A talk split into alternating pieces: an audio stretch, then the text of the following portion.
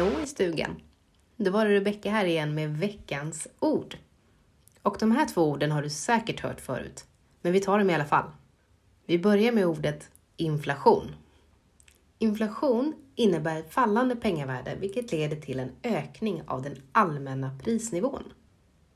När inflationen ökar minskar pengarnas köpkraft och varor och tjänster blir dyrare eftersom att varje krona blir mindre värd. Förenklat sett kan man se det så här. En hög inflationstakt gör att det blir dyrare att konsumera. Och ett lågt inflationstryck, det vill säga att den allmänna prisnivån faller, tar oss faktiskt in på inflationens motsats, vilket är deflation. Och en deflation uppstår då när priserna under en längre tid sjunkit på marknaden. Det här beror på en minskning av penning och kreditmängden i ett land. Konsekvensen av det minskade penningvärdet kan då med största sannolikhet leda till en stor oro kring ett lands ekonomi, vilket i samma led då kanske bidrar till en ökad försiktighet och sparande hos oss som konsumenter. Om vi tittar historiskt kan man också se då att i och med att man inte konsumerar på samma sätt som tidigare så innebär det också en minskad produktion, en minskad tillväxt, vilket då givetvis ökar riskerna för att ekonomin ska gå ner på sparlåga. Vilket då också resulterar i färre investeringar, Eh, mer arbetslöshet bland annat. Ja, du hör ju, det finns massor att säga om detta. Vad beror inflation och deflation på? Vad kan det få för konsekvenser? Du, det kanske vi pratar om mer nästa vecka. Glöm nu inte att följa Feminvest. Du hittar oss på LinkedIn, Twitter, Instagram och givetvis Facebook där du också kan gå med i gruppen kvinnor som vill prata investeringar. Vi ses där! Nu tycker jag vi hoppar in i veckans avsnitt av Feminvest-podden.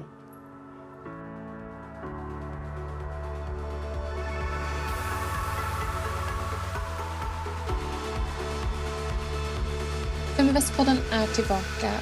Så glad att du är med och lyssnar. Hoppas att du mår bra där du befinner dig. Jag sitter själv inne på ett coworking-kontor eh, inne i centrala Stockholm och eh, ser väldigt mycket fram emot dagens samtal. Jag tror och jag ser att en stor del av de kvinnliga entreprenörer som kommer till oss och hör av sig har en ambition om att förändra världen på något sätt utöver att man vill bygga en affär. Och det är otroligt häftigt att se de inspirerande både kvinnor och män som går före och eh, visar att det är, går att kombinera.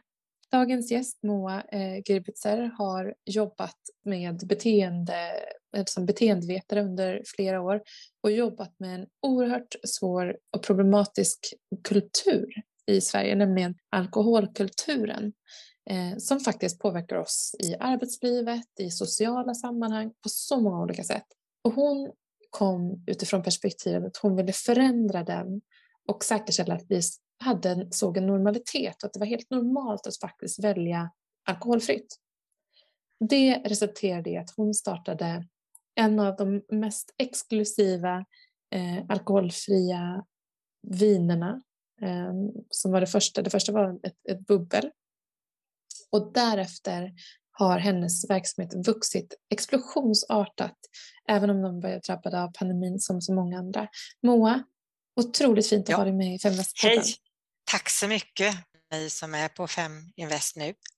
Så trevligt, ett väldigt, eh, väldigt eh, en stor ära att få komma i den här podden. Just att eh, kvinnliga företagare lyfts upp, men också just det här att tänka på ett kvinnligt sätt och ändå driva företag och ändå ha just de här traditionella sätten att driva företag.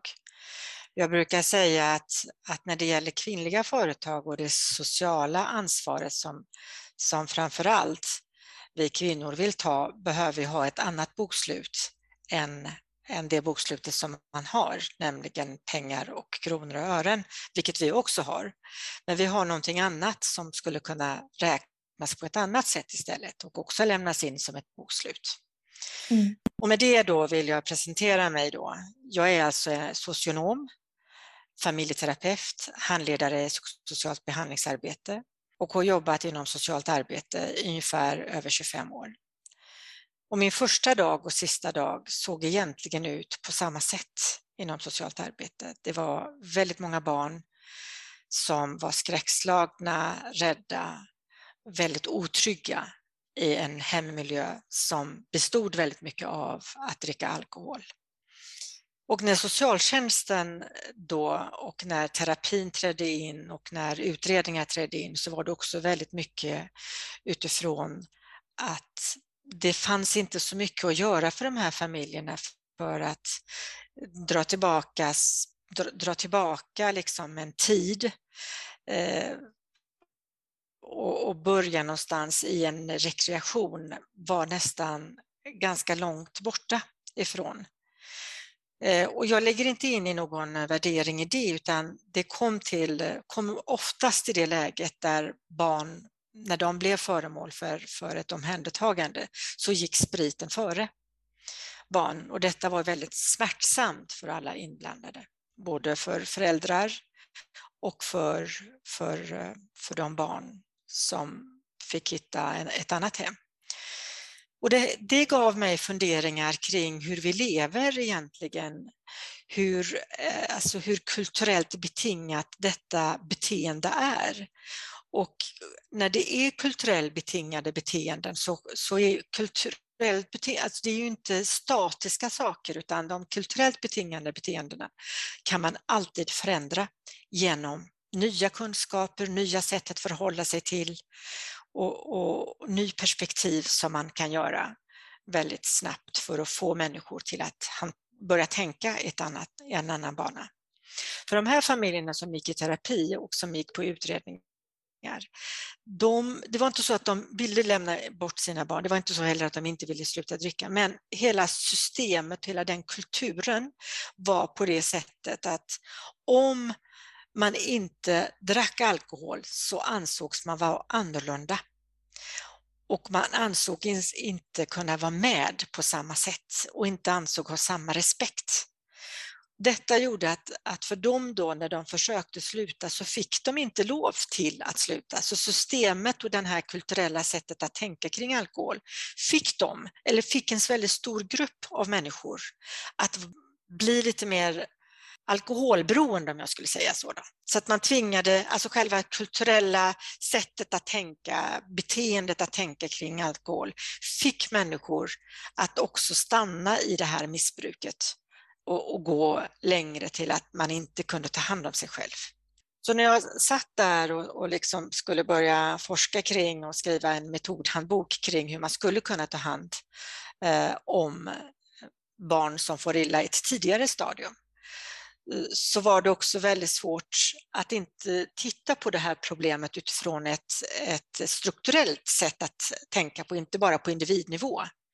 Och när jag började tänka på ett strukturellt nivå så tänkte jag att vi kan inte ha... perspektiv så skulle vi säga men en skalbarhet. Ja, precis. Ja, så skulle man kunna säga. Hur kan man påverka på ett brett perspektiv? Ja, hur kan man ta ett övergripande ansvar? Hur kan man liksom ta ett ansvar eller ta den här lösningen i ett, ett skalbart perspektiv eller en bredare perspektiv som du säger. Och det gav mig idén till att först hade jag någon form av bild att jag skulle liksom fylla, eh, den, alltså jag skulle bygga världens största flaska och där skulle alla barns historier vara och så skulle jag ställa den på mitt på Gustav Adolfs torg i Göteborgs kommun där alla skulle kunna se vilka historier och vilka levnadsöden som de här barnen har. Då sa min eh, forskarkollega att det, det får du fem minuter på Västnytt, vad gör du sen?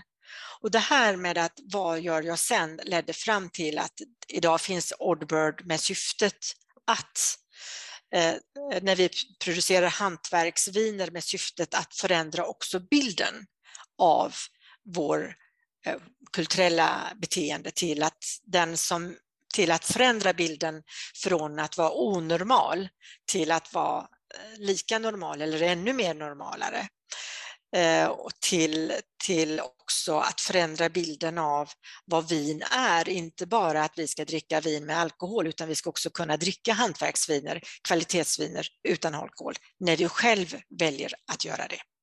Och då blev min vision om vi ställer samma fråga som vi ställer, vill du ha ditt kaffe med eller utan mjölk? som om den mest vanliga frågan, så skulle vi i vårt samhälle ha exakt samma vision för vin. Skulle du vilja ha ditt vin eller din champagne eller din, ditt gin med eller utan alkohol som den mest enkla, självklara frågan. Och med det då så skulle vi kunna få en bredare eh, förhållningssätt och då skulle vi kunna ta ner antalet barn som får illa. Och vi har i, ungefär idag en miljon människor som kan trilla dit och, och bli riktigt alkoholister Eh, eller alkoholberoende på, på, på ett väldigt kraftfullt sätt. Och vi har också 325 000 barn i Sverige som lever under alkoholens liksom, ja, trauman. Och, och om, jag, om jag tittar på de här siffrorna så är det ju för ett litet land så är det här en väldigt stor summa en stor mängd, stor, stor skara av barn som faktiskt far illa. Så som socialarbetare så vet jag att 60 000 av de här barnen måste vi nästan omhänderta. Och 100 000 av de här barnen måste vi hitta mamma, alltså en moster, en faster eller en farbror som de kan gå och hämta ett andrum ifrån. Och det gav mig idén till att förändra bilden av vad alkoholfritt är, förverkliga eller förändra livet för de människor som finns i vårt samhälle i, i ett nytt, på ett nytt sätt, i ett nytt socialt arbetarperspektiv. Och idag så finns ju eh, Oddbirds eh, hantverksviner i Systembolaget, runt om i matbutiker över hela vårt avlånga svenska ja. land och även internationellt. Berätta om expansionen. Helt, helt rätt. Alltså, vi började vår eh, expansion eh, alltså i våra grannländer, först Danmark, Norge och Finland. Och sen så breddade vi ut den till Europa, så nu finns vi på UK, Tyskland, Luxemburg, Schweiz och lite andra länder. Och, vår, och vi finns i Australien, vi finns i Kanada. Så att vi, vi finns i väldigt många länder och vi jobbar verkligen mycket under en lång process på hur vi skulle kunna göra de bästa alkoholfria vinerna. Vi kallar dem för alkoholbefriade för att vi tänker att alkoholfritt är så tråkigt ord. Men alltså när jag började resan 2013 så blev jag ju utslängd ifrån eh, de flesta vingårdarna i Languedoc i södra Frankrike för att dels ville de inte sälja till en socialarbetare som ska ta bort alkoholen för det fina vinet som de hade lagt så mycket möda och tid på. Eh, så, så, så jag hade med mig en ung man som, som vi skulle liksom börja köpa vin ifrån. Och då är du också socialarbetare, man, kan inte, man måste ha liksom massa kontakter innan man, man kommer dit. Men i varje fall fick vi en möjlighet att ställa oss i kö. Och, och när vi blev utslängda så ställde vi oss i kö igen. Och, jag, och då sa min, min medarbetare som hittade de här exklusiva vingårdarna att vi kan inte bli utslängd en gång till för det klarar vi inte av. Jo, jo, sa jag, vi klarar av många utslängningar, de kommer att förstå. Men även de vingårdarna hade ju faktiskt även, de, ja, även de vingårdarna hade ju barn som faktiskt var halvt alkoholiserade nästan för att de alltid gick och smakade på det som föräldrarna smakade på. Så att någonstans mm, så satt jag mig och så tänkte jag, men herregud, ska inte du ta ett ansvar? Det är också, det är också, det är också barn. Titta mm. här, jag har ju sett, jag har ju sett hur barnen har det på de här vingårdarna. Och, och någonstans så blev det, så blev det liksom lite mer, då fick jag lite mer utrymme att prata om visionen. Eh, och, och sen då, alltså hade det varit en man då så tror jag att, att, att eh, du vet reglerna för män är liksom lite annorlunda. Det är nästan så att man behöver testas mycket mer som kvinna om man, om man lyckas eh, på något sätt stå pall. Eh, så de höjer väldigt mycket kravet. Ja, istället för alla andra kan få köpa 10 000 liter vin men, men jag måste köpa 30 000 liter. Jag måste liksom betala i förskott. Jag måste göra massa saker. Och det tror jag för att man tänker att eh, det är en sån tuff bransch så att kvinnor inte kan hantera det här. Och vi är inte så många kvinnor heller i vinbranschen. Eh, och jag tänker att det finns väldigt många utmaningar på vägen som det andra könet. Men, men resan men börjar egentligen ifrån... Hur, när du liksom, ja. Gud, vad hände? För det första, blev du utslängd igen? ja, jag blev utslängd för fjärde gången och sen så femte gången så sa min, eh, min medarbetare, vi kanske ska säga någonting annat. Vi kanske ska säga att du har fått in vinerna på Systembolaget så kanske vi kommer upp till fjärde våningen. Oh. Och sen så, ja, säg du det, sa jag och sen så blips så så var vi på fjärde våningen tack vare Systembolaget. Otroligt. Eh, och, då, och hur satt, gjorde du då för att ja, och liksom lösa satt vi- finansieringen och så? Med eh, att Ja, kunna du. ta... Ja, du vet att det finns ju väldigt många eh, instanser, men det finns få instanser som tänker, som har den innebyggt i sin struktur, att titta på sociala företag på ett annat sätt. Utan först är det liksom så här, men eh, okej, ja, du ska förändra ett beteende. Ja, ja, men då blir det inte pengar och kronor då.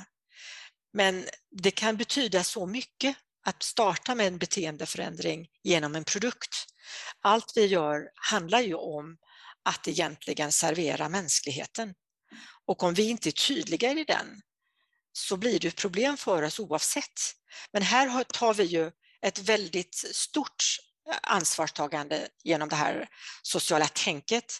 Men vi kommer ju aldrig upp och få den respekten för sociala företag på det sättet. Det är ju först nu de sista två åren som jag ser att även sociala företag lyfts upp som sociala företag som en, ytterligare en dimension eh, som, som liksom ger det. Men det borde vara någonting som finns hela vägen och andra bokslut än bara pengar och kronor. Vi, vi kan ju spara in ganska mycket pengar på ett annat bokslut, sätt att tänka. Mm. Eh, Så den resan med att få in den på Systembolaget och jobba med samarbeten som inte funkar och titta på avtal som man inte har tänkt på för att man tänker att det man lovar håller man också. Och så blev det ju inte heller. Jag menar, jag, jag samarbetade med en champagneexpert som heter Rickard Julin. Han gick ju över och började sälja eh, med alkohol i, i, med, sitt, med sitt namn. Och vi, det är ju totalt emot, mot, mot värdering och vi skakade ju hand från början på att han aldrig skulle sätta sitt namn på med alkohol. Och jag satsade ju allting, alla mina pengar på varumärket och den, de pengarna som han fick väldigt Mm. hårt för att förändra bilden genom, eh, på det här segmentet genom en champagneexpert. Men jag tänkte ju inte så långt i första läget.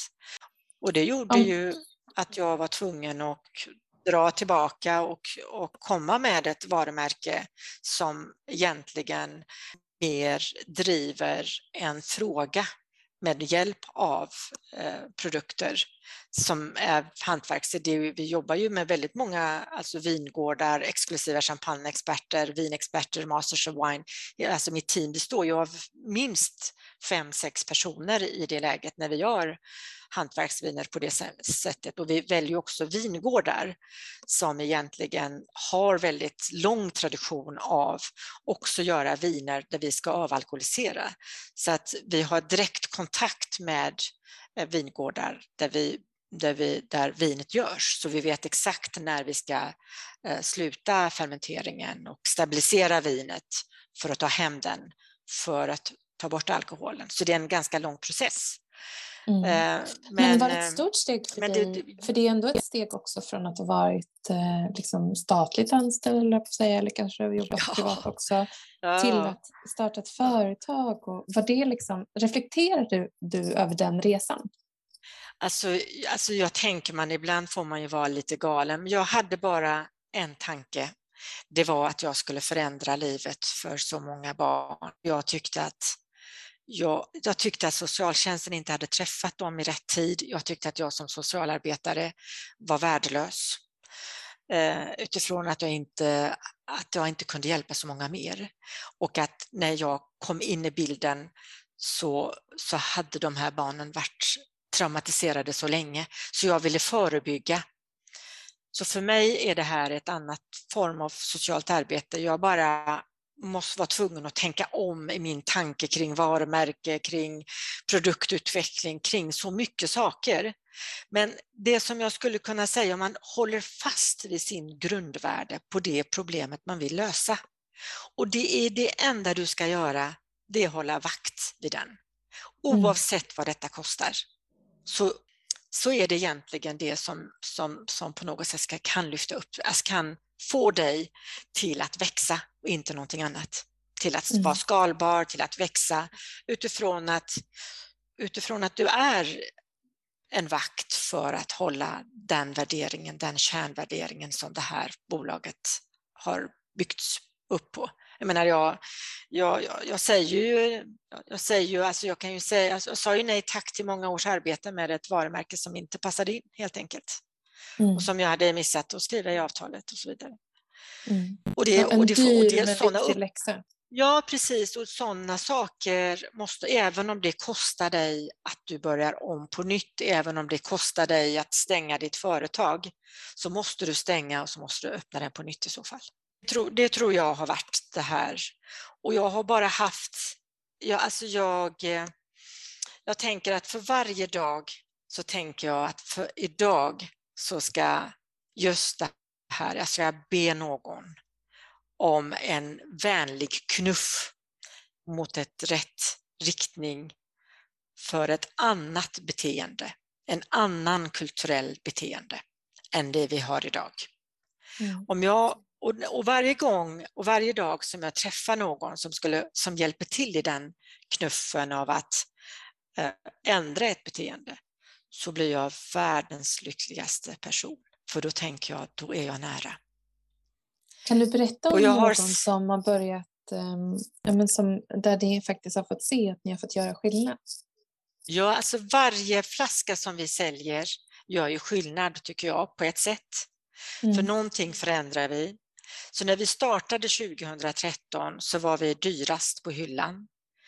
Mm, och, och det var ingen som trodde på oss, varken Systembolag eller jag menar, min svägerska sa att hon aldrig skulle betala något som inte har alkohol i sig. Varför skulle hon göra det för?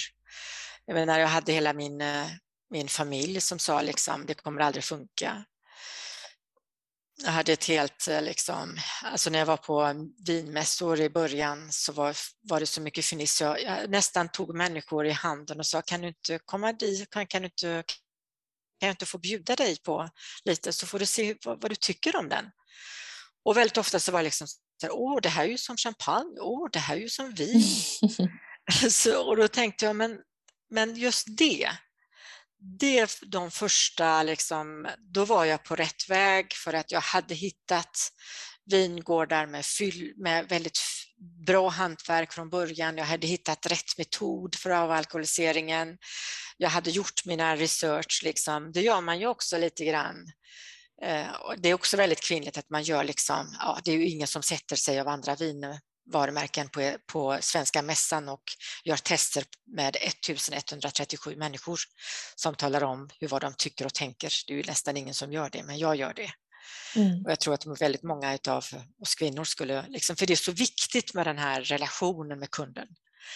Eh, och, och, jag skulle inte vilja ta fram någonting som inte blir bra. Och nu tar vi fram ett gin ifrån Norrbotten eh, av, av, svenska bär eh, i, eh, i Norrland. Och, och, jag, jag, tar, jag skulle in, och den, det är ett, ett, projekt som vi har haft med eh, RISE, eh, som vi har haft med eh, andra eh, ginexperter, som jag tycker, och blir den inte bra så tar vi inte fram den. Men den blev faktiskt en av de bästa ginen på marknaden som vi ska ja, lansera nu om två veckor. Och för första gången så tog vi fram naturviner från Italien, för första gången i världen som vi får lov avalkoholisera naturviner som också blev en väldigt, väldigt i, i special edition. Och för första gången så fick vi också eh, speciallanseringar eh, som bara var för alkoholhaltiga drycker men det fick vi för alkoholfritt för alla våra viner är ju noll. noll.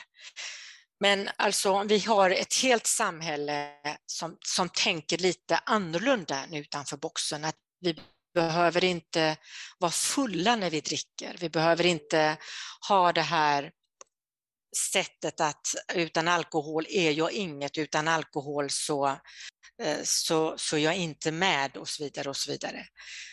Det sättet borde ju också vara eh, i samma sätt som myndigheten har, i samma sätt som restaurangvärlden har, i samma sätt. För du kan ju inte, du kan ju inte servera på en restaurang och be människor vara fulla för och sen då eh, kasta ut dem. Om du inte tänker ett steg längre att den här mannen har kanske barn hemma och kanske en fru hemma. Hur tänker jag kring serveringen från restaurangen mot den här personen?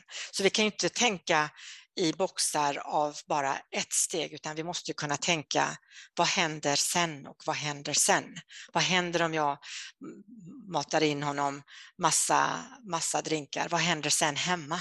Blir det något problem hemma? Skadar han sig på vägen? De, de, alltså de tänken måste vi göra. Skulle det vara så här att om jag skulle ställa mig på en barrikad och säga att Systembolaget ska inte sälja mer än eh, fem eh, 5 eh, alkohol för att det är, mot, eh, det är mot hälsan. Och det ska inte eh, vara, och Systembolaget ska inte sälja med viner med etanol i, eh, utan det ska vara naturligt fermenterade och så vidare. och så vidare. För, för de flesta har etanol, och värre än etanol än den som man, som man Eh, tvättar sina händer med. Så det är en bredare perspektiv vi är ute efter. Vi vill ju inte till exempel att man gör reklam för, för varumärken som också gör, eh, som också gör alkoholhaltiga viner. För då, då, gör man, då kommer man in på ställen där man egentligen inte får lov att göra reklam för varumärket med alkohol. Men så fort man tar fram samma varumärke som är utan alkohol så har man alla vägar att göra reklam. Och det är, det är ful marknadsföring och, och för dem handlar det om att sälja eh, mer alkohol och så dumpar de priserna och så kommer de fram till att producera äckliga alkoholfria eh, med massa E-ämnen i eh, och det blir inte bra konkurrens. Eh, men för, dessutom så förändrar de inte bilden av alkoholfritt. För vi måste förändra bilden av alkoholfritt, mm. av alkoholbefriade viner. Jag säger befriade. Ja, en ja, därför kallar vi våra viner för precis. För det enda vi gör, det är egentligen att vi befriar ifrån, från etanolet. Det är det enda vi gör. Mm. Etanol är ju en komponent av miljontals ämnen som man lägger in i, i, i vinet, vilket absolut inte är bra för oss i, no, i, något, i någon form av hälsoaspekt. Alltså det är den största cancerframkallande eh, orsaken, det är etanol. Mm. Men om du tittar på dina menar... framåt då, för att jag menar, ni växer ju. Du har ändå ett bolag som omsätter många miljoner. Eh, jag vet att du har höga krav ja. Eh, och vill liksom växa och snabbare än vad du liksom kan tänka mig. Du, är, du vet vart du är på väg någonstans. Var, vart är du på väg någonstans?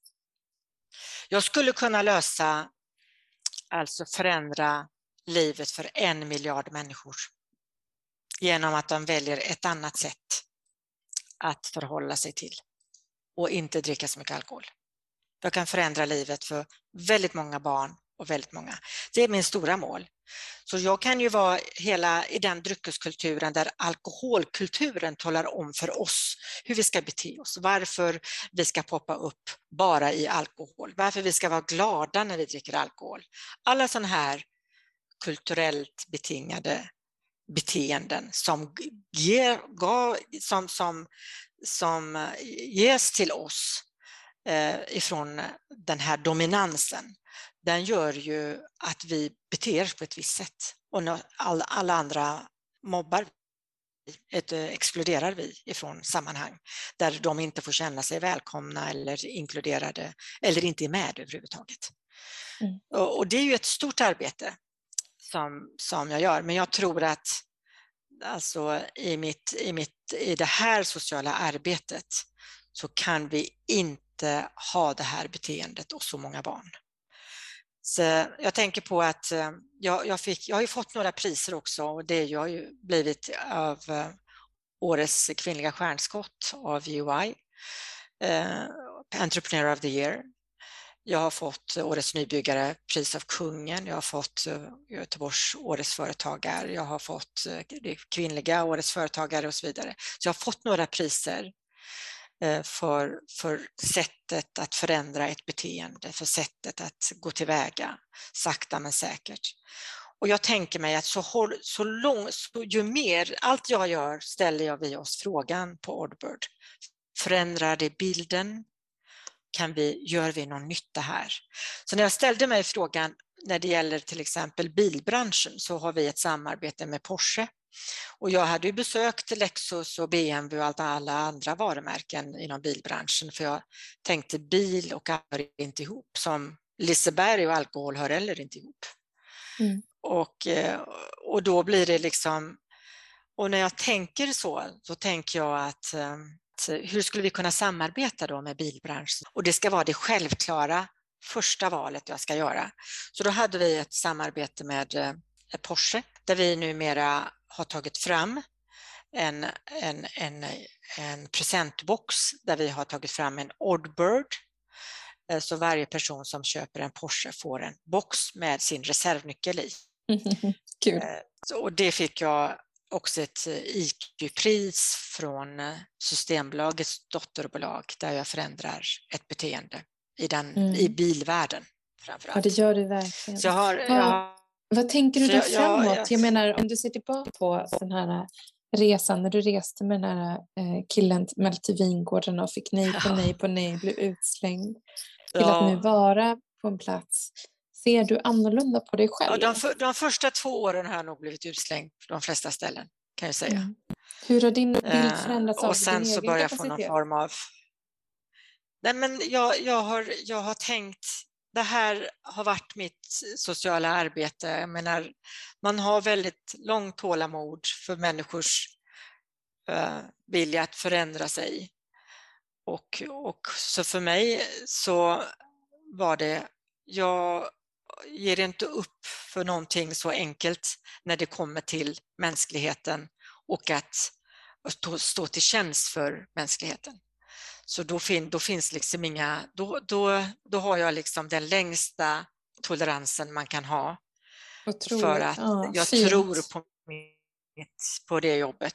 Jag tror mm. på att jag kan förändra och då har det sen, ingen betydelse. En dag kommer jag förändra. Ja, och du Helt. gör det redan. Och sen så också ja, det finns det andra sidoeffekter. Jag tänker, jag har ju själv varit gravid vid ett par tillfällen och fick eh, möjligheten att då som en av liksom, de första generationerna faktiskt kunna dricka ett, ett kvalitetsbubbel. Det ja. var också väldigt trevligt måste jag säga. Vad du ser. Eh, bara en sån sak.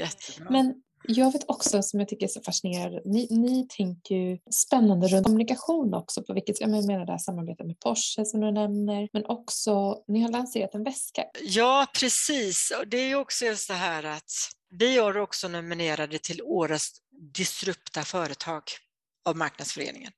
Så vi tycker det är väldigt roligt att vi, vi är nominerade till det priset utifrån att vi tittar på hela, hela alltså varuförsörjningssidan. Och vi har till, exempel tagit fram burkar som är liksom mer CO2-neutrala, alltså mer, har mer, tio gånger mindre effekt på CO2 än, än flaskor. Eh, och vi ville titta på vad händer, alltså de druvskalen ifrån de vingårdarna som vi arbetar med, vilket är stora mängder. Eh, så, så räknade vi fram att det, det slängs ungefär 1,6 miljarder liter av eh, vindruvsskal. Så det var den första tanken, men gud, vad gör vi med det då? Vad kan vi göra för att spara på det här? Och då var det liksom ett jättestort projekt. Vad kan vi göra med detta? Och då var det liksom, kan vi göra någonting med det här? Och, då tog, och så var det en, en, ett franskt företag, en italiensk företag, en, eh, en designer från New York en, eh, och, och, som hade kinesiska rötter De gjorde, var väldigt bra med.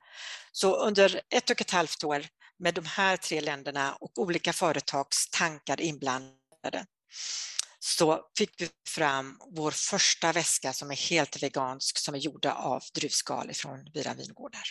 Och det blev också liksom Scandinavian Bok skrev och hamnade i kinesisk tv på grund av att hon hade kinesisk ursprung, hade gjort ganska många sådana här internationellt kända saker. Så nu tänkte vi att vi disruptar lite grann modebranschens väskor som liksom är gjord av allt annat. Det här skulle kunna vara ett mycket bättre sätt att förhålla oss till miljön. Så det här är den första väskan. Man kan beställa vilken design man vill, i vilken mode väska man vill, formen, så kan vi göra väskan efter en beställning. Och då är den helt vegansk. Mm. Nu tänker vi kring pappflaskor. Så vi har några företag, ett från Sverige, Billerud och Korsnäs och en i England. Och lite, lite designform och lite så här, så har vi tagit fram eh, den första pappersflaskan som vi skulle kunna eh, förändra väldigt mycket av flaskbilden som finns. Eh, och då skulle vi kunna hjälpa till i den eh, med att det är så många flaskor som bärs, för det är väldigt litet, det väger ju bara 100 gram eller vad det nu är. Ja, det är ju Eh, tungt eller att bära annars. Precis. Ja, precis. Men och det här är otroligt. Och när, när, kan man jätteexklusivt. förvänta sig, när kan man förvänta sig att kunna köpa en sån här pappersflaska? Ja, alltså då, då gick vi till stora företag som har jättestora muskler. Vi är ett litet företag och ska göra så mycket. Då, då gick vi till, eh, till ett stort företag och så skulle ni vilja jobba med oss i den här så vi skulle kunna ta fram den eh, riktigt bra och så att vi fick den i produktion så vi liksom kom ner i, eh, i de kostnaderna som vi ville. Då sa de att de är inte alls intresserade för då slutar folk att dricka alkohol. Och tänkte, jaha okej, men är det inte bra för dig då? Nej, men då tjänar vi inte pengar. Mm. Eh, så- då, och då blev det liksom så här att, ja, ja, men då gör vi detta själva. Och sen så, så tvingar vi folk att tänka till lite. Så om tre veckor ungefär så kommer vi att se den första pappflaskan som är riktigt, riktigt snygg. Så du kommer liksom bara ta den bara för att den är så snygg i, i den här, som också är ett hygienfaktor av det som vi gör. Så vi disruptar ju på olika sätt. Gud vad coolt. Det här ser Ja, jag har faktiskt världens eh, bästa team här på Oddbird. Alla är Oddbird här. Och Udda jag ser, fåglar. ja, och jag ser fram alla udda fåglar som faktiskt vill stå för sin egen värdering, för sitt eget val, inte gå in i konventioner om hur man ska vara, vad man inte ska vara. Här, ja, du ska vara di och här, här är du normal, här är du onormal. Utan på sina egna villkor. Säger folk Zack så ska du säga Zig. Nej, gå din Och egen väg, din- verkligen. Gå din egen väg och verkligen ställ frågan så vi får ett samhälle som faktiskt ställer frågan. Vill du ha ditt vin med eller utan alkohol? Att menyn, du vet jag hade en, en, en, jätte, en jättefantastisk, alltså jag hade en sån dröm om att jag tänkte att alla menyer skulle vara utan alkohol först och sen skulle alkoholen komma. Och sen då så hamnade en av mina produkter på BBC morgon-tv. Plötsligt så, ans, så, så utsågs den som det bästa alkoholbefriade vinet någonsin som de hade Mm. provat. Och jag blev ju väldigt, väldigt, alltså jag blev så stolt och väldigt så här honored och så vidare. Och då åker jag ner, för då ska vi ha en journalistprovning, för jag bjöd in alla journalister då som ville smaka på det här. Och då går jag till Harvey Nichols och där kommer jag och då står Oddbird på menyn som första val. Kan du Mm. tänka dig det här? Wow, vad härligt. Ja. Och jag tänkte, herregud, alltså uppfyllelsen går ju liksom, drömmar går ju uppfyllelse. Alltså det var ingen som trodde att jag kunde förändra livet, det var ingen Mm. som trodde att jag kunde göra, men jag kan faktiskt förändra. Jag kan faktiskt, och det är mitt nästa mål, att du, vi behöver inte ha vegetarisk längst ner som om den är liksom mobbad. Vi ska inte ha hyllor på Systembolaget som skamvrån som på, i en skola där skamvrån var i ett hörn någonstans. Det ska vara lika enkelt att välja. Jag skulle vilja ha korgar på Systembolaget där halva korgen är med alkohol, halva utan. Så skulle jag vilja göra ett beteendeförändring på Systembolaget för att se att vi kan förändra genom att vi allt mer kan välja utan alkohol och må Mm. bättre. Mm. Jag, Tack så jättemycket Moa Ja, för jag, kan, jag kan prata timmar, vet du. Ja, men det är så fint att få höra. Och jag menar, det allra, allra viktigaste som, eh, som eh, jag eh, får med mig i det här samtalet med dig, det är att alla kan förändra genom att vara ihärdig i och falla tillbaka på den grundläggande värderingen. Vad är det du förändrar? Vad är det du gör? Och då behöver man inte ens ta de här konventionella vägarna utan faktiskt lyfta blicken och se på problematiken från ett helt annat håll. För det är det du har gjort. Helt och därifrån så finns det fantastiska möjligheter. Eh, och jag skulle säga som entreprenör att det är svårt att, att ta det där, få den där falkblicken nu när vi pratar fåglar, att ja. distansera sig till vad man vill. För man, har, man är så präglad av hur man har, vilka upplevelser man har och hur man har gjort saker och ting förut, hur man har sett hur andra gör. Mm. Så att det krävs mod och det krävs eh, en eh, disciplin att faktiskt backa tillbaka och sen så göra det man gör med excellence sen eh, så finns det fantastiska möjligheter. Verkligen. Ge aldrig upp när ni vill göra en förändring. Mm. För du vet aldrig vem du kan möta. Du vet aldrig. Vi ska kämpa tillsammans för ett annat bokslut än det som Bolagsverket tar in. Mm. Vi ska räkna på ett helt annat sätt för kvinnliga företagare. Då mm. kommer vi upp på ett annat sätt. Då blir vi mm. respekterade. Believe me. Tack så jättemycket Moa. Och Tack så mycket. Eh, för dig som lyssnar så kommer du snart att få höra en liten kommentar också om börsaktuella händelserna som har, eh, pågår. Vi vet att det har varit dramatiska veckor på börsen och vi har med oss Johanna Englund som kommer att kommentera eh, lite av vad det är viktigt för dig som eh, fondsparare att veta. Okay. Eh, hur påverkar det egentligen? Tack så Trevligt. jättemycket Moa. Ta hand om dig och så ses Tack vi snart. Mycket. Tack så mycket. Hälsa alla på Feminvest. Ha det gott. Hej. Ha det gott. Hej.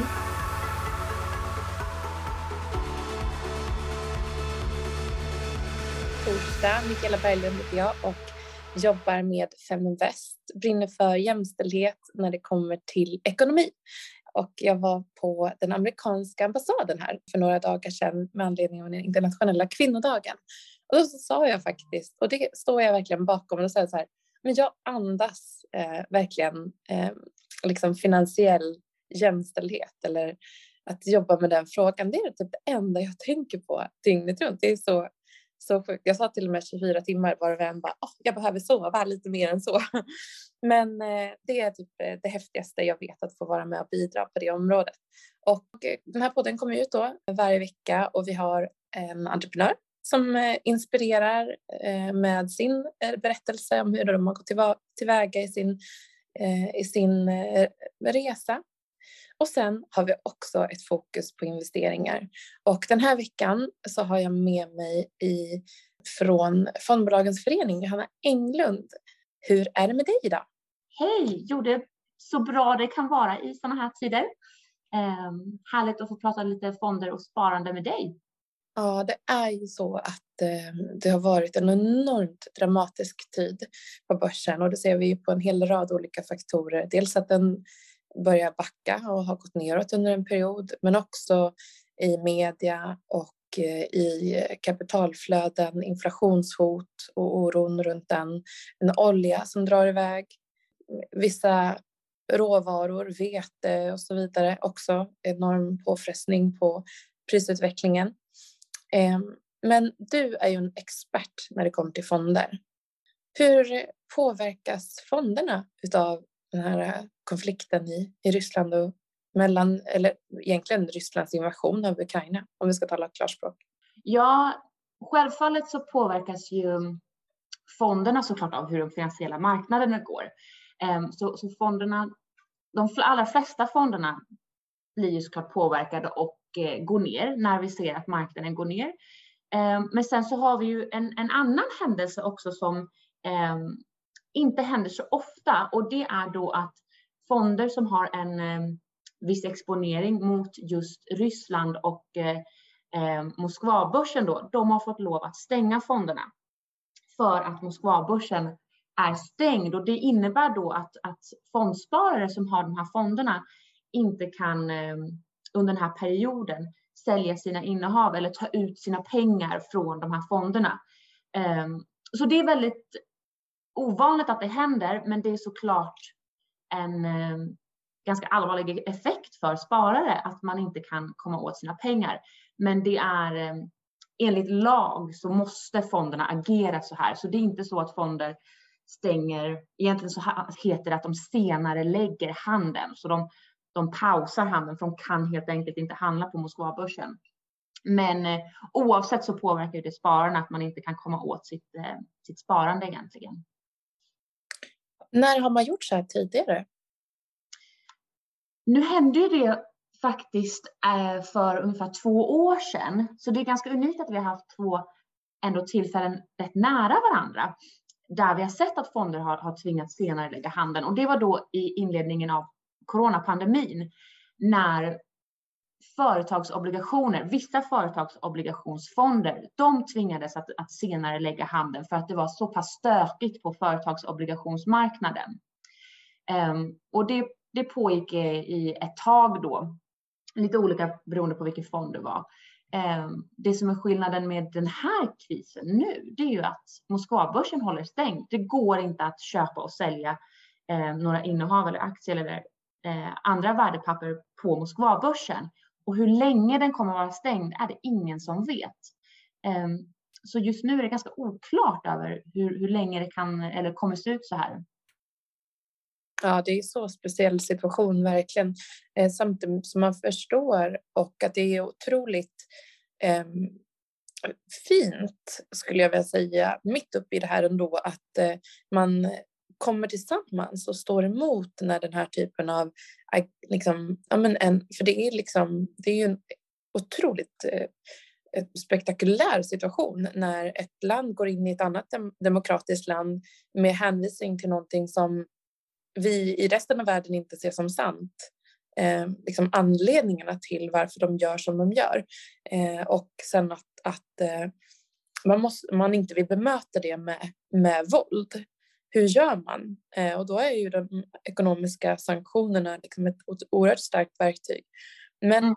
men samtidigt så, så, är det ju också småsparare som drabbas. Eh, hur det, har liksom investerarna reagerat på det här då? För om man tittar på, på den senaste månadens kanske eh, agerande. Ja, det man kan börja med att, att säga, eh, vilket jag ändå tycker är positivt, är att en väldigt liten andel av svenskarnas fondsparande som ligger i, i rena Rysslandsfonder, men också i Östeuropafonder som då har en del exponering mot Ryssland. Så det, det är framförallt Rysslandsfonder och Östeuropafonder som påverkats av det här. Eh, och det är ju högriskmarknader och det har alltid varit det. Så det är inte bara nu som vi ser att Ehm, det är en hög risk att investera i Ryssland, utan det har det varit i flera, flera år. Så jag tycker att det är positivt att ändå så pass liten andel av vår förmögenhet ligger i de marknaderna. Ehm, men om man kollar på just allt det här som har hänt nu, det hände ju väldigt sent i februari. Ehm, så Moskvabörsen stängde ju den 28 februari, så det var ju verkligen sista dagen i februari. Och våra siffror eh, nu som vi sammanställer eh, för februari, de, de eh, presenteras idag när, när den här podden går ut. Och där kan vi se att eh, det här nettoutflödet, så andelen som, som sålde fonder, Rysslandsfonder, var större än de som satte in pengar. Men det utflödet var ungefär i likhet med utflödet i januari. Och, men sen så har ju då fondförmögenheten, den har ju minskat i och med att börserna har gått ner också. Så det har varit ett utflöde plus att börsen har gått ner. Det gör ju då att fondförmögenheten i de här ryska fonderna eh, minskar. Så att vi, vi kan se att den, det ligger ungefär 10 miljarder i rena Rysslandsfonder vid utgången av februari. Och nu låter ju 10 miljarder som jättemycket. Men det är ungefär 0,24 procent av den totala förmögenheten i aktiefonder. Ehm, så det är en väldigt liten andel. Och bara den andelen har minskat från januari. Då låg ungefär 0,4 procent ehm, av förmögenheten i Rysslandsfonder och nu ligger det ungefär 0,24 procent. Sen så är det såklart. Men är det också drabbat av nedgången? Av att ja, den ryska exakt. börsen har? Mm. Så förmögenheten påverkas ju både av eh, hur nettosparandet ser ut, hur mycket pengar man sätter in i relation till hur mycket man tar ut, men också då hur den här förmögenheten utvecklas eh, med hjälp av börssvängningarna. Så om, om, marknaden går ner så minskar förmögenheten. Exakt, så det, det består av de två stycken eh, delarna. Men om man då, eh, är det liksom svenska fonder som man håller kvar eller är det globalfonder? Och hur mycket exponering har man egentligen eh, beroende på vilken globalfond man har? Ja, om vi kollar på just siffrorna nu för februari så kan vi se att totalt så var det ju, man valde ju att sälja av sina fonder och det är inte, vi brukar prata om att det är ofta som aktiva spararna som säljer av. Man får inte glömma att när man sparar i fonder så är det oftast ett långsiktigt sparande och mycket av våra pensionspengar ligger i fonder. Så att vi ser att man, när man sparar i fonder så gör man det långsiktigt, men trots allt så finns det de som vi ändå då kallar som de, de lite mer aktiva fondspararna eh, som ändå väljer att, att göra aktiva val månad till månad och vecka till vecka. Ehm, och under februari så var det ett, eh, ett, negativt nettosparande som vi kallar det och det betyder att man, man sålde av mer fonder än vad man, vad man satte in pengar eh, i helhet. Förutom då i globalfonder, där var det fortfarande ett positivt sparande. Um, och just globalfonder är ju en stor favorit bland svenskarna. Många svenskar väljer att spara i globalfonder och de har tagit en allt större andel av vår fondförmögenhet. Ehm, men jag vet ändå att det är många sparare som har funderat kring det här nu med Ryssland angående sina globalfonder om man ändå har en exponering mot Ryssland via sin globalfond Ehm, och hur man då ska tänka kring det. Och, och det man kan säga är att först och främst så beror det på lite grann hur, hur globalfonden är sammansatt. Ehm, men det man kan kolla om man har en indexfond, kolla upp vilket index det är som den här globalfonden följer. För att om det är ett väldigt vanligt index som, som globalfonder följer, det är MSCI World. Eh, där är det 0% exponering mot Ryssland, för de har bara en exponering mot de så kallade utvecklade marknaderna. Där ingår inte Ryssland för att Ryssland anses då som en tillväxtmarknad. Om fonden däremot följer ett annat index som kallas för MSCI ACWI, det är ACWI och det är All Countries World Index. Där inkluderas tillväxtmarknader och där kommer då Ryssland in med ungefär 0,4 procent exponering, så den är väldigt liten. Men värt att säga här är att MSCI gick ju ut Eh, förra veckan och meddelade att man kommer faktiskt ta bort Ryssland från sina index. Eh, från alla index, så från tillväxtmarknadsindexet och från de här världsindexen. Eh, så det kommer ju innebära att när det väl går att, att sälja av de här tillgångarna så kommer Ryssland att försvinna från eh, de flesta globalfonderna också och tillväxtmarknadsfonder eh, så länge inte fonden har, har gjort en egen sammansättning och inte slaviskt följer de här indexerna. Så där får man kolla upp om man har en, en aktivt förvaltad fond som kanske väljer att ta avstamp från indexet så kan man kolla upp vart de, tar, eh, var, vart de gör skillnader och eh, om de väljer att fortsätta investera i Ryssland eller inte. Mm. Eh, men om man kollar på fondbolagen då, vad har de för oro? Jo, men det är klart att eh, det är ju den här osäkerheten som eh, oroar oss alla. Hur länge kommer det här pågå? Hur kommer vi drabbas eh, i Europa och runt om i hela världen? hur kommer den här energi eh, oron påverka oss? Eh, bristen på olja och gas. Vad kommer det leda till i förlängningen?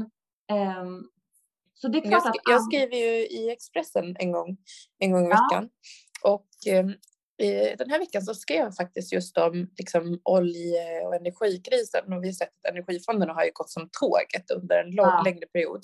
Men samtidigt så så tror jag att det här kommer att resultera i att otroligt mycket riskkapital kommer titta på gröna energialternativ eller andra mer hållbara alternativ till, att, till energiförsörjningen än ja, men kol som man nu tvingas liksom skala upp i viss mån ja. på kontinenten eh, och så för att det är ju det är verkligen en av de största, största kriserna som vi upplever i i modern tid utifrån ett ekonomiskt perspektiv, den här ja, energikrisen.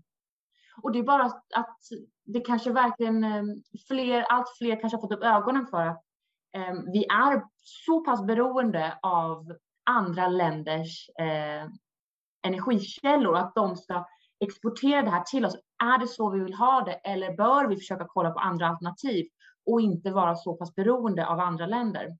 Mm. Det tror jag också kommer påverka. Det kan ju vara så att typ solceller och sånt nu, alla ja. kommer vilja ha solceller. Jag vet att det är otroligt ineffektivt i Sverige på vintern, men ändå. För att liksom, och det är framförallt på vintern också som det här är ett problem ska sägas. Ja, Eh, ja exakt. Men ja, Ja, men så Ja, det är klart att det finns den här oron också bland fondbolagen. Men man får inte heller glömma att eh, det är inte ovanligt för förvaltare och fondbolag att de är med om sådana här eh, börsnedgångar. De är mycket väl medvetna om att börsen rör sig både uppåt och neråt. Eh, de ska hantera utflöden. Eh, enligt lag ska de kunna hantera det och, och se till att eh, de ändå kan tillgodose eh, spararnas hur de vill flytta sina pengar. Och, eh, så jag tror inte man behöver oroa sig allt för mycket på den fronten, utan, utan det är ganska strikta lagar och regler här i Sverige över hur fondbolag ska hantera sin verksamhet. Eh, och de jobbar ju med det här på en daglig basis och är verkligen insatta. Det är därför man köper en fond egentligen, för att du har en förvaltare som sköter allt det här åt dig. Ehm, så att jag tycker att är man långsiktig sparare, man ska inte oroa sig allt för mycket för sina sparpengar. Sen kan man oroa sig för andra saker. Jag menar, vi är bara människor. Det är klart att man blir otroligt påverkad av det här läget och den här marknaden, så att det är fruktansvärt det som händer. Men jag tycker att som långsiktig sparare så bör man, eh, man kan göra en liten vägg däremellan och man får oroa sig för allt annat i världen egentligen. Det, det är bara rimligt, men, men sparpengarna behöver man inte oroa sig allt för mycket för. Om man då såklart inte är, eh, har en stor andel i Rysslands fonder, för där är det knepigare just nu faktiskt. Mm. Ja, tack så jättemycket Johanna eh, för den, för den eh, introduktionen till liksom hur Rysslands eh, invasion påverkar fondsparare på ett väldigt konkret sätt. Men du, tror man att återhämtning, återhämtningen kan den vara lika snabb som efter liksom, coronapandemin? Alltså på samma sätt som att en snabb dipp och sen en oerhört stark tillväxt. Vad tror man?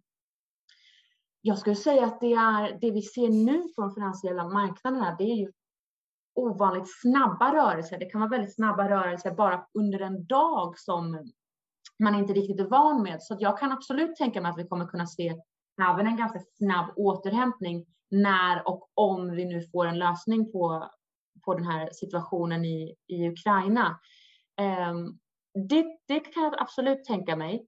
Um, men som sagt, det beror på så många andra osäkerhetsfaktorer och hur det här kommer påverka ekonomin i det långa loppet. Um, men börsen är ju framåtblickande och de försöker prisa in massa olika faktorer i framtiden. så att det, ja, den är klurig, men jag tror absolut att det kan vara snabba rörelser. Det tror jag. Mm, ja, men det, det, verkar så. Sen så ska man ju säga att det, det finns inte samma eh, utrymme för stimula, stimulans från centralbankerna i och med att inflationen är ju väldigt mycket högre just nu och eh, en, ett, ett huvudbry Ja. eh, för riksbankscheferna. Mm. Eller riksbankschefen i Sverige och, eller Ja. centralbankerna. Mm. Ha, du, tack Johanna. Eh, ta hand om dig eh, så hörs vi framåt.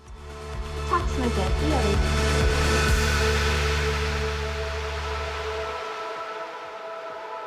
Feminvest är Sveriges största investeringsnätverk för tjejer. Vi vill att allt fler ska våga äga och förvalta.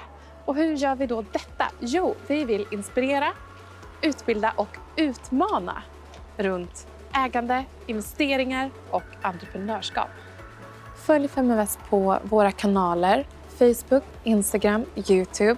Varje vecka så kommer vi även ut med en podd och du kan ju självklart även följa nyheterna som publiceras på feminvest.nu. Det är bara att söka på Feminvest på samtliga kanaler så hittar du till oss.